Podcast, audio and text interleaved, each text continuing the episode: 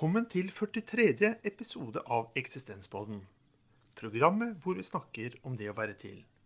Mitt navn er Erling Berrum, og i dag har jeg fått besøk av Dagfinn Ullestad. Takk for at du ville komme. Hyggelig. Hvordan vil du kort beskrive deg selv? Jeg tenker eh, ofte at jeg er en litt sånn erfaringsbasert fyr. Eh, jeg liker å, å bruke de erfaringene jeg har. Og om, ja, jeg kan også godt si at jeg er en sånn blanding mellom en teoretiker og en praktiker.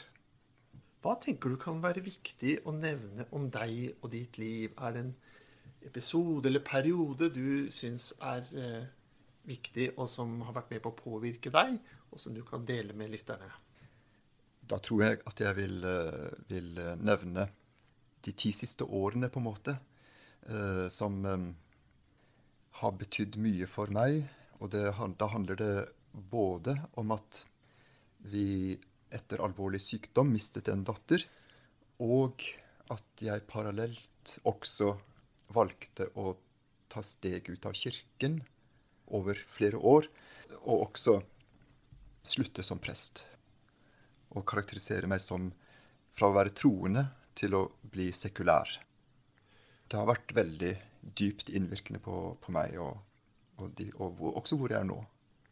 Hva opplever du at du mistet eller tapte i den forbindelse og gjennom den overgangen? Og hva opplevde du at du vant eller fant ved den overgangen?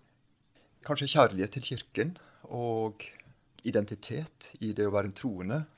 Kollegialitet og mye som jeg har mistet. Men samtidig så er det så mye jeg har syns jeg har vunnet. Så det har vært så mye og nytt å gå inn i, på en måte, å endre ståsted og, og retning. Så det, og nå er jeg f.eks. aktiv og tilsatt i Human-Etisk Forbund. Og eh, opplever det som veldig spennende. Det åpner mitt livsrom, måte å se verden på, og møte mange nye mennesker. Det er smertefullt og veldig givende. Du har også blitt bedt om å velge ut en grunnleggende dimensjon ved det å være til som menneske.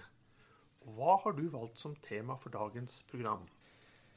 Jeg ga ut i fjor en bok som heter 'Mot en grense'. Og dette med grense, det er noe som for meg har berørt mange sider ved livet. da, Å se livet på. Og, og, så er det på en måte også så mye uoppdaget. Mye som jeg fortsatt synes er er eh, meningsgivende da, i det å tenke om grenser. Så jeg tenkte jeg vil snakke om grenser. Er det noen spesielle grenser du vil ta utgangspunkt i først, som du tenker eh, har vært eh, spesielt viktig for deg? Det som jeg syns er litt morsomt, nesten også, det å, å, tenke litt videre, på en måte tenke en inngang på en måte til, til grenser, sånn som at det å bo i ytterkanten Vi bodde mange år i Finnmark. og det er jo på en måte også en sånn yttergrense i, i verden. Fra gammelt av særlig, da, hvor, hvor uh, dette ultimatule, dette ytterste, ytterste grensen, og også det å bo nær en kulturgrense, sånn som uh, Øst-Finnmark f.eks., som har hatt den russisk-ortodokse og helt annerledes kulturen da, tett ved siden av seg. Og så er det er på en måte noen andre der ved, ved grensen og dette annet, det er veldig spennende. Det er jo geogra geografisk, men eksistensielt så tenker jeg det er litt av det samme. Vi opererer ofte i midten, men noen ganger så skjer det noe som gjør at vi, vi kommer til yttergrensen. Og kanskje også da blir dette andre veldig fremtredende og, og eksistensielt viktig, da. Når du tenker at vi bor, eller oppholder oss veldig mye i midten, da, mm. rent eksistensielt, hva gjør det med oss som mennesker når vi har få erfaringer av grenser i hverdagen? Kanskje at vi ikke har den nerven, på en måte, eller den, den opplevelsen av det, det viktige, måte, eller det som kan endre noe, da, ved å komme i en situasjon som oppleves som uh, yttergrense. Jeg har jo også fått fire barn, da, og jeg syns det har vært så utrolig stort å være med på fødsel liksom en slags opplevelse av at wow, her er, her er jeg ved på en måte en ytterkant. Dette å ta imot dette lille barnet som også kommer fra en annen Så fra gammelt av så var det liksom Det kom, noe, det kom utenfra. Fra noe annet. Ukjent. Og dette, dette ukjente som, som, besøker oss, og vi, som vi ikke kjenner til fra før av. Som du ser inn i et nyfødt barns øyne, på en måte, så liksom dette, dette mørke dypet på en måte, som, som, vi, som vi ikke kjenner. Så det å ta imot og fødsel tenker jeg er en, en slik yttergrense som vi opplever som veldig sterk, og som veldig mange opplever. da. Og ikke nødvendigvis sjøl, men kanskje også være i nærheten av å, å, bare holde et barn i armene. Og så er det den andre yttergrensen, det å, det å være nær en som forlater livet. Og da, da har jeg de siste årene vært ved siden av sykesengen til min mor, som uh, forlot livet. Og det er på en måte veldig vemodig, uh, dette når et helt liv uh, renner ut med alle historiene, alle Alt det som den personen var, da. Og så forlater denne personen historiene, på en måte. De kan ikke fortelles mer. Det er en slags grenseland som gjør, gjør en så var og Ja. Så det å, det å følge noen til, til yttergrensen og være, være der i dette, dette landskapet som har noe annet i rekkevidden eller synsfeltet, og, og ikke vite, stå overfor det ukjente, da. Det opplevde jeg jo så ekstremt sterkt da, når jeg også var ved sykesengen til, og dødsleiet til min datter, som det at hun forlot oss. En, en voldsomt sterk eksistensiell hendelse. da. Selv hva slags livsanskuelse en har, det vet jeg ikke noe om. Jeg kan jo snakke for meg sjøl. At dette med grense var veldig sterkt. da dette at hun forlot oss. Vi, vi, vi kunne ikke komme lenger. Uh, men hun gikk på en måte over grensen på et eller annet vis. Og så er jeg liksom, sånn ydmyk overfor, overfor hva, hva, det er, da. Det er jo gjerne, som du selv viser nå til, eh, dramatiske livsopplevelser som bringer oss ut i grensen. Mm. Og litt grenseoverskridende erfaringer. Hvis du tenker på et mer alminnelig liv da, uten den type dramatiske livshendelser, er det andre måter vi kan da bevege oss ut til disse yttergrensene på? Ja. Jeg syns det er veldig verdifullt å, å bli berørt da, av, av uh, litteratur, av tenkere som, som, jeg kanskje ikke skjønner alt av, men som, som, det er noe som slår meg. Og en av de som har slått meg. Det er Albert Camus. Og han har fremhevet dette med opprøret, da, som eh, markerer at jeg, jeg, setter en grense. Det, det er noe her som jeg, som jeg, må stoppe ved. For det er noe som går utover hva jeg kan uh, bli med på eller, eller akseptere. Og det syns jeg er litt morsomt også med med tanke på barn da, som blir seg selv gjennom å si nei. Og, og kanskje også starter med, med, dette ene ordet 'nei'. 'Jeg vil ikke'. Og dermed setter en grense. Og dermed også er med på å definere sin identitet. da, Si dette er, dette er meg. Og her Dette omhandler meg, og det, dette, har, det er jeg som, som på en måte setter en grense overfor overfor verden, da, overfor andre. Hva, hva, hva, jeg kan Så langt jeg er kommet. Hit kan jeg være med. Og så er det, så er det en, en, alltid en annen, da. Den på, på andre sida. Og eh, Camus sier at hvordan, skal vi, hvordan, skal vi, finne vår, denne grensen hvis ikke Gud setter en grense? Hvem er det da som setter grense? Og Det har kanskje vært også et sånn viktig spørsmål for meg da, som troende som har forholdt meg til en gud og en livsanskuelse som har hatt en ytre grensesettende instans. da. Og så tar jeg steget litt bakover og, og ut av den, den livsrammen og spør, spør nærmest med Camille hvis ikke Gud er der, hva, hva er det da i livet med som setter grenser? Og eh, Camus har, har da dette, denne argumentasjonen for at enhver en som har rett til å sette sin egen grense, må jeg også vise respekt for. Og dermed på en måte er vi, er vi gjensidig avhengig av, på en måte, av, å, av å bekrefte denne, identiteten, da, det å være menneske, via den andre. på en måte, At vi, vi fellesskap, som et solidaritetsfellesskap, da, setter og definerer denne grensen. Og Der, der syns jeg også, også en, en, annen etiker, da, Levinas, også har gitt meg gode spor. For Det handler for meg litt om å, liksom, å finne nye noe å tro på. Uh, som, jeg, som, jeg, tenker dette, dette, forteller noe viktig om livet. da, Om hvordan, hvordan jeg ser på verden, og hva hva jeg, uh, jeg kan bygge på. på en måte. Og han, han, han, han forsøker jo dette med å, å tenke også hva den, hva den andre uh, betyr for meg. Og liksom det, å tenke også, det, handler om grenser, for den andre det er noe utenfor meg. Jeg, jeg, kan ikke gå inn på den andres i den andres ståsted, for jeg er, jeg er meg, og den andre er utenfor meg.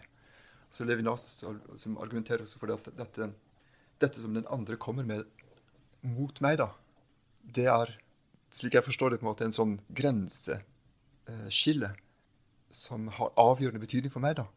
Og da handler det jo litt om ytterkanten egentlig i hverdagslivet. For jeg, det, det, er jo den, den andre jeg møter i hverdagslivet spørsmål kanskje om jeg evner å se, om jeg evner å om jeg tør, om jeg tåler, om jeg ønsker og vil utsette meg for den andres blikk, da, for den andres møte med meg. Jeg tenker litt på det å definere egne grenser, og det at andre definerer grenser for oss. Noen grenser er jo absolutte i livet, og noen grenser er jo, som du selv viser til, bestemt av oss selv eller andre. Hvordan forholder du deg til absolutte grenser i livet? Slik som f.eks. det at vi skal dø, og, at det er mye vi ikke vet. Jeg, jeg, tror egentlig at det er veldig grunnleggende i meg, dette med det ukjente. da. At uh, i dag som vi utforsker og vet, egentlig vet veldig mye, da. Vi, vi søker veldig mye. Vi har en enorm kunnskapsmengde og kunnskapsbase på en måte å, å forholde oss til, så at vi kan bli lurt til å tenke at vi vi vet.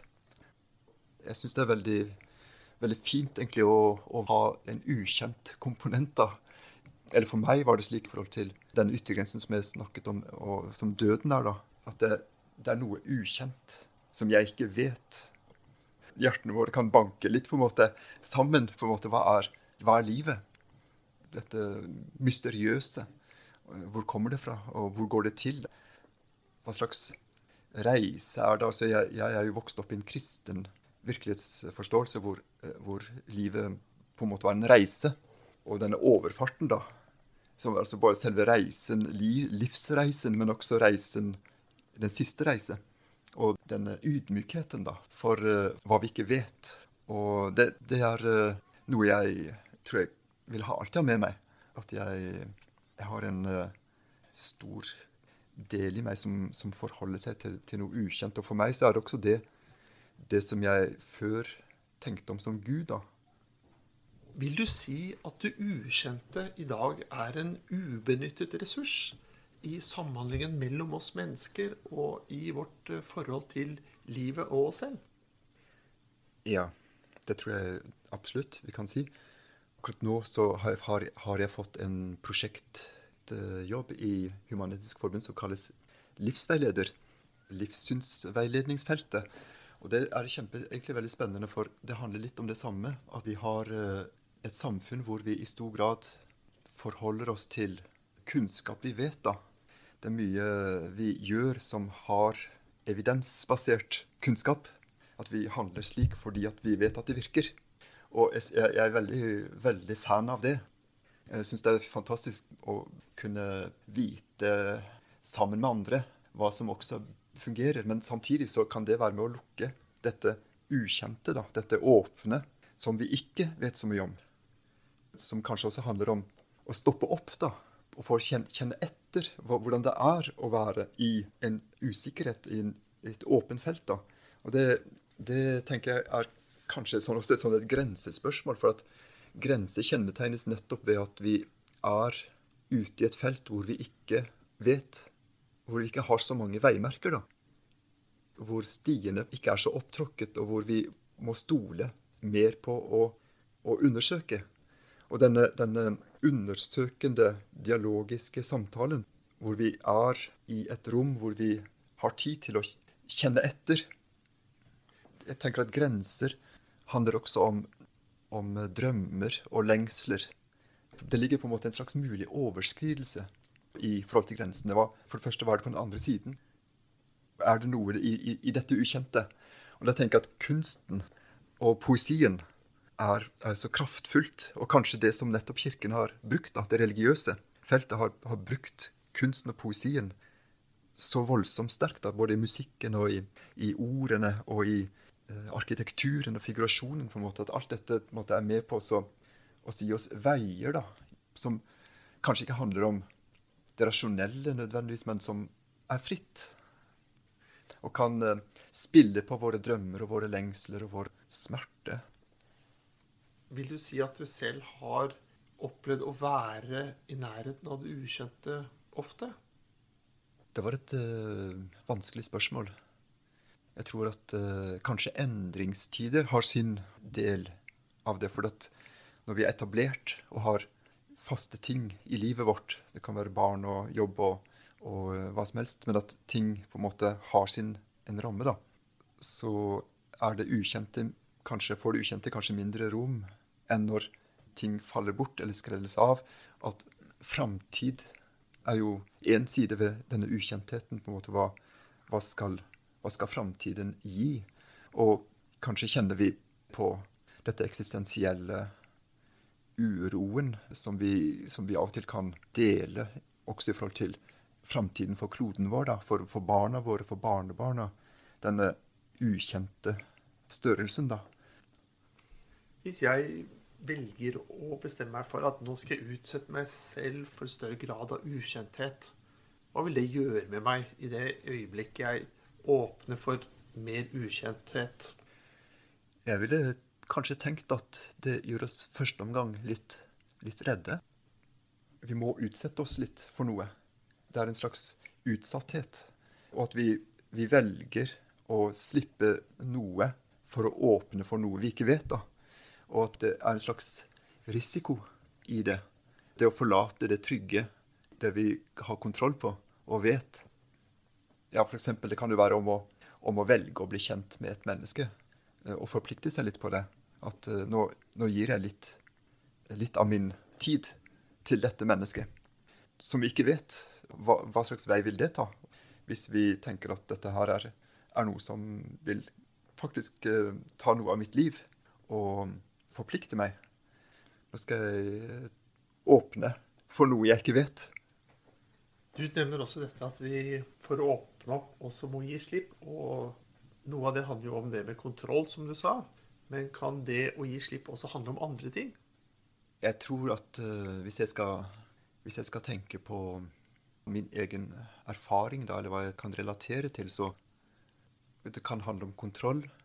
At det er noe jeg må kontrollere eller har ønsket å kontrollere. Men det kan også handle om en mulig ny vei, da, som eh, jeg ikke kjenner. Og at jeg ikke vet helt heller hvordan den skal, hvordan den skal defineres, eller den skal, hva den skal inneholde, hva det betyr for meg. Tenker også at det kanskje, kanskje kan handle om at det, det jeg forlater, har en, også en smerte i seg. da. Kontroll kan også ha med at jeg vil kontrollere min smerte. Og det kan være et tap, eller det kan være noe jeg ikke, ikke fikk til. Eller en, en endring som jeg, ikke, som jeg, ikke, klarer å håndtere. Men liksom det å gi slipp på Kanskje akseptere den smerten og, kunne, og, og, og tenke at den, den, er en del av meg, og at jeg i fortsettelsen kan finne en Altså at denne smerten kan være en vekstmulighet, da, en, en ny, gi en ny vei, en ny mulighet til meg. Og at hvis jeg hvis jeg senker skuldrene og aksepterer, så er det en, en mulighet Jeg liker veldig godt denne Jeg har brukt den mye sjøl, denne, denne litt enkle utsagnet om at kinesisk har på en måte to tegn for krise. Det ene er fare, og det andre er mulighet. Og at denne faren den frister oss til kontroll. da. Men hvis vi tør på en måte å, å akseptere å ha denne fare eller denne smerten også i oss, og fremstår muligheten kanskje som en slags håp i oss, da. Altså at vi, vi vet at OK, det er, det er, hardt, det er tøft, eller det er, det er smertefullt, men det er en, en, vei her, det er en mulighet som eh, jeg ikke kjenner, men som ligger der fremme. Så jeg liker veldig godt dette ordet som, eh, som jeg har fått fra Vettelsen, Arne Johan Vettelsen, filosofen, dette med smertetransformasjon. Som kultur. Han sier også kulturen er, er smertetransformasjon. Så liksom dette at vi, at vi kan omforme eh, smerte istedenfor å overføre den til noe annet. Jeg vil ikke kvitte meg med sorgen, men jeg vil ha den med meg som en varm sorg. For ellers mister jeg jo tilknytningen, på en måte, og det som er verdifullt for meg. Jeg tenker litt på at vi mennesker også er jo lyst- og konformitetssøkende. Mm. Og, og, det å ville åpne opp for mer av det ukjente, eller mer av livet, det vil jo også måtte kreve noe av oss. Ja, på mange måter. Men å tørre å gå ut, kanskje. Tørre å møte andre. Eh, tørre å slippe andre inn. Tørre å, å være et sted. Og ikke, ikke, gå. Ikke avslutte en samtale som er i gang, men tørre å spørre mer. Gå litt dypere inn i det og, og orke at det er noe i bevegelse i rommet, eller noe ubehag. Og tørre å tenke at OK, eh, er ikke, alt er ikke behagelig. Jeg kan, jeg kan eh, dele noe. Eh, og om jeg skulle gråte da, f.eks., eller om jeg skulle skjelve i stemmen, eller bli på en måte tydelig berørt OK, jeg tør det, da. Det, det er greit at jeg fremstår som sårbar, eller at jeg, jeg er, viser at jeg ikke er, har full kontroll. Det tenker jeg egentlig er, er noe vi kan gjerne gi til andre. på en måte også, At vi, vi viser hverandre at vi er vi er sårbare, vi er i endring. Vi har ikke alltid sikkerhet og kontroll. Da. Vil du si at når vi utsetter oss for det ukjente i større grad, at vi også utvider egne grenser? Ja, det tror jeg. Og at vi opplever kanskje, kanskje mer av det, dette store, store ordet som vi på et eller annet vis alltid kommer til, dette med mening. Altså at vi, vi kjenner at livet betyr betyr noe, og at uh, vi, kan, vi, kan, oppleve en slags takknemlighet for at vi er i livet til tross for tap og til tross for smerte eller til tross for handikap eller til tross for, for, for det som vi, vi, eh, jobber med. Så å kjenne likevel denne touchen av glede eller av, av noe inni oss som vil, vil fortsatt. Du sa litt tidligere at du er et erfaringsmenneske. Vil erfaring med det ukjente også gjøre deg mer mottagelig for det ukjente etter hvert som du møter nye områder eller møter nye mennesker med ukjente dimensjoner? Jeg har egentlig litt tro på erfaring på den måten at en, en erfaring er ikke nødvendigvis varig, på en måte. Eller at vi, vi, vi, vi, Den er jo det på et vis, men samtidig så Vi må være i bevegelse, da. Fristes kanskje også noen ganger til å kapsle noe inne. på en måte, Beholde det for ikke at, skal, at, vi ikke skal miste det for at det var så verdifullt, eller at dette var Dette vil jeg ikke gå bort fra. Og tørre å tenke at livet hele tida kommer til oss med nye ting vi må bryne oss på, på en måte, eller må tørre eh, å være i bevegelse. Og også tenke at det, at det som vi hadde med oss bak oss, det, det er i oss, men samtidig så blikket fremover, da. Vi må gi slipp ja. på våre tidligere erfaringer for å åpne for nye erfaringer. Ja. Vi nærmer oss eh, slutten av programmet. Og da pleier jeg også å spørre litt eh, om noen litt sånn konkrete råd. da. Og en ting her vil jo da handle om lyttere som kanskje lurer på hvordan skal jeg bli flinkere til å åpne meg for det ukjente? Jeg hadde en kollega en gang som uh, brukte dette med å gi slipp. Og det har egentlig, det festa seg egentlig i meg, og jeg tror egentlig det er en god uh, greie å ha med seg. og for å kunne ta imot noe. Og sånn så må vi tørre å gi slipp. Jeg har også hørt at det er en litt mer presis eh, definisjon av uttrykket 'carpe diem', som har blitt oversatt til 'grip dagen'. Men at en mer presis oversettelse av det uttrykket skulle være 'slipp dagen'. Samtidig så ja. tenker jeg på dette her med å, å, gi slipp på en dag, at det er jo veldig vanskelig. Ja. Det oppleves som kanskje lett å si, men det er veldig vanskelig å gjøre. Hva skal til for å bli flinkere til å gi slipp? Handler det noe om å, som du sier, å eksponere seg da for usikkerhet, sårbarhet, og så erfare at eh, det ikke er så farlig å gjøre det likevel. Man må ikke alltid utsette seg for ting, men samtidig så er det jo det kanskje det handler om likevel, dette å, å tørre å, å, vise seg, da.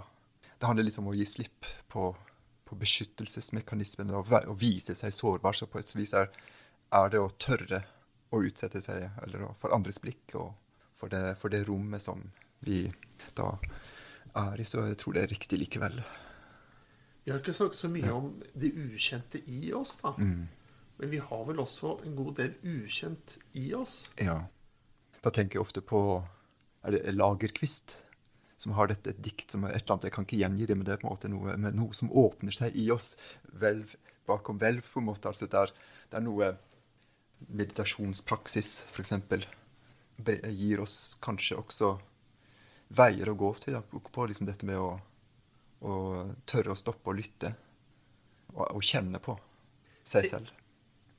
Tenker du at uh, den sårbarheten og åpenheten også kan være knyttet til det ukjente i oss? Å våge å være ukjent ja. i seg selv, da? Mm. Det er interessant.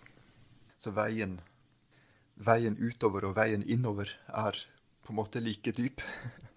Så dette ukjente i oss sjøl syns jeg er uh, er spennende, og, og den, den, tradisjonen som jeg kommer fra, og kanskje, kanskje mer, kanskje enda mer den um, ortodokse tradisjonen, kristne tradisjonen, som på en måte um, har et kanskje sterkere fokus på, på et, dette sammensatte mennesket, da. Hvor vi har uh, en ukjent faktor, et slags mysteriøst del av oss, som er også litt skremmende. Som vi ofte bruker mye energi på å kontrollere, da og som eh, kanskje også sånn, sånn som Dostojevskij er, er, en forfatter som, som uh, jobber mye med. og Jeg liker veldig godt den uh, bare navnet på Praskolnikov som på en måte som det splittede, et splittet menneske. liksom Den splittelsen da, uh, i oss. Det, og liksom det, det, å, det, å, gi ord for å, og, og, fortellinger for å tørre å åpne litt for, for den erkjennelsen da, og den opplevelsen av hva dette innebærer å være også et splittet menneske. da. Vi er ikke, vi er ikke entydige, vi er, vi er, eh, litt ugjennomsiktige, også for oss sjøl. Og det er noe vi kanskje burde være litt mer nysgjerrig på sammen? Ja. ja. Så den eksistensielle samtalen syns jeg er noe vi no, noe som er i tiden, og, og som, er, som, som, kommer opp. Eller kanskje som en reaksjon mot, mot, mot den faktakunnskapen, og kanskje også den, det at, at psykisk helse og og sånt har fått mye plass, og at vi nå kanskje er klare for å utforske mer den eksistensielle helsen, som, uh, som handler om spørsmålene om livet, om, om, å undersøke mer hvor vi er, istedenfor å bare skulle dit. Det er så mange stemmer som skal fortelle oss hvor vi skal, da, og hvordan vi skal komme dit. Og det er så slitsomt å alltid skal skulle en plass, men liksom å kunne, kunne være og kjenne og utforske. Det er uh, et spennende felt som jeg syns er spennende å være en del av også i, i denne livsveiledningssammenheng da, som er i Human-Etisk Forbund, som jeg nevnte. Du snakket tidligere om Gud som var en garanti for de verdiene som lå utenfor oss selv, men at nå måtte du selv sette grenser for deg selv. Er vi som mennesker også i stand til å definere verdier for oss selv, eller må de defineres utenfor oss selv? Jeg har veldig, veldig sans for dette at vi sammen blir enige om hva vi tror er best, og hva vi tror er viktig å ta vare på. Dette felles enigheten som vi kan argumentere for og begrunne og si at dette tror vi på. Dette må vi holde fast på, dette må vi kjempe for. Uh, dette må vi ikke slippe. Altså, her setter vi en, en grense uh, som handler om, om, ukrenkelighet og om verdighet og, og, og mening. Så det, det har jeg veldig stor tro på. Og så tenker jeg også at vi trenger filosofien også til å undersøke liksom, hva, hva representerer. Jeg, tror, jeg, har tro på historien. Jeg tror på dette som kanskje religionene også har forsøkt å ivareta. Da, og spørre, spørre, på en annen måte. Hva var det disse uh, ville ivareta? da? Altså, Hva ville religionene ivareta? Og under, undersøke det også. F.eks. når, når uh, fortellingen om, om, Moses som, som trår opp på fjellet og, og møter en brennende tornebusk, og denne, denne stemmen sier 'ta av deg skoene' for stedet du sto på, er hellig. Hva menes med det? på en måte? Hva slags krav om ydmykhet, da? Eh, som, som, også handler om grenser, ikke sant? som styr stopp, eh, stopp her. Vis ydmykhet, mennesker, på en måte, liksom, for det som du er en del av. Og det er liksom å spørre filosofisk, men også gjerne kall det også religiøst, på en måte, hva som helst. For det handler om myter, og det handler om, om, eh, om mening, og det handler om symboler. Så det å, det å, å, å forholde seg til grensen egentlig som ydmykhet handler vel om, om, nettopp det. For grensene og for hva vi ikke skal overskride. da. Har du noen visdomsord eh, eller sitater du har eh, brukt eh, gjennom ditt liv, og som har betydd mye for deg, som du kan dele med lyttere? Det blir et enkelt et som jeg kanskje kan, kan videreformidle. Jeg tror det er, er det Benny Andersen, er det den heter? tror jeg, En dikter, dansk, som sier at du skal hver dag sørge for at møte et annet menneske, så vil gleden komme av seg selv. Da takker jeg deg for samtalen. Takk også til deg som lytter for å ha fulgt oss denne gang. Vi høres igjen, og inntil da, ha det bedre enn bra.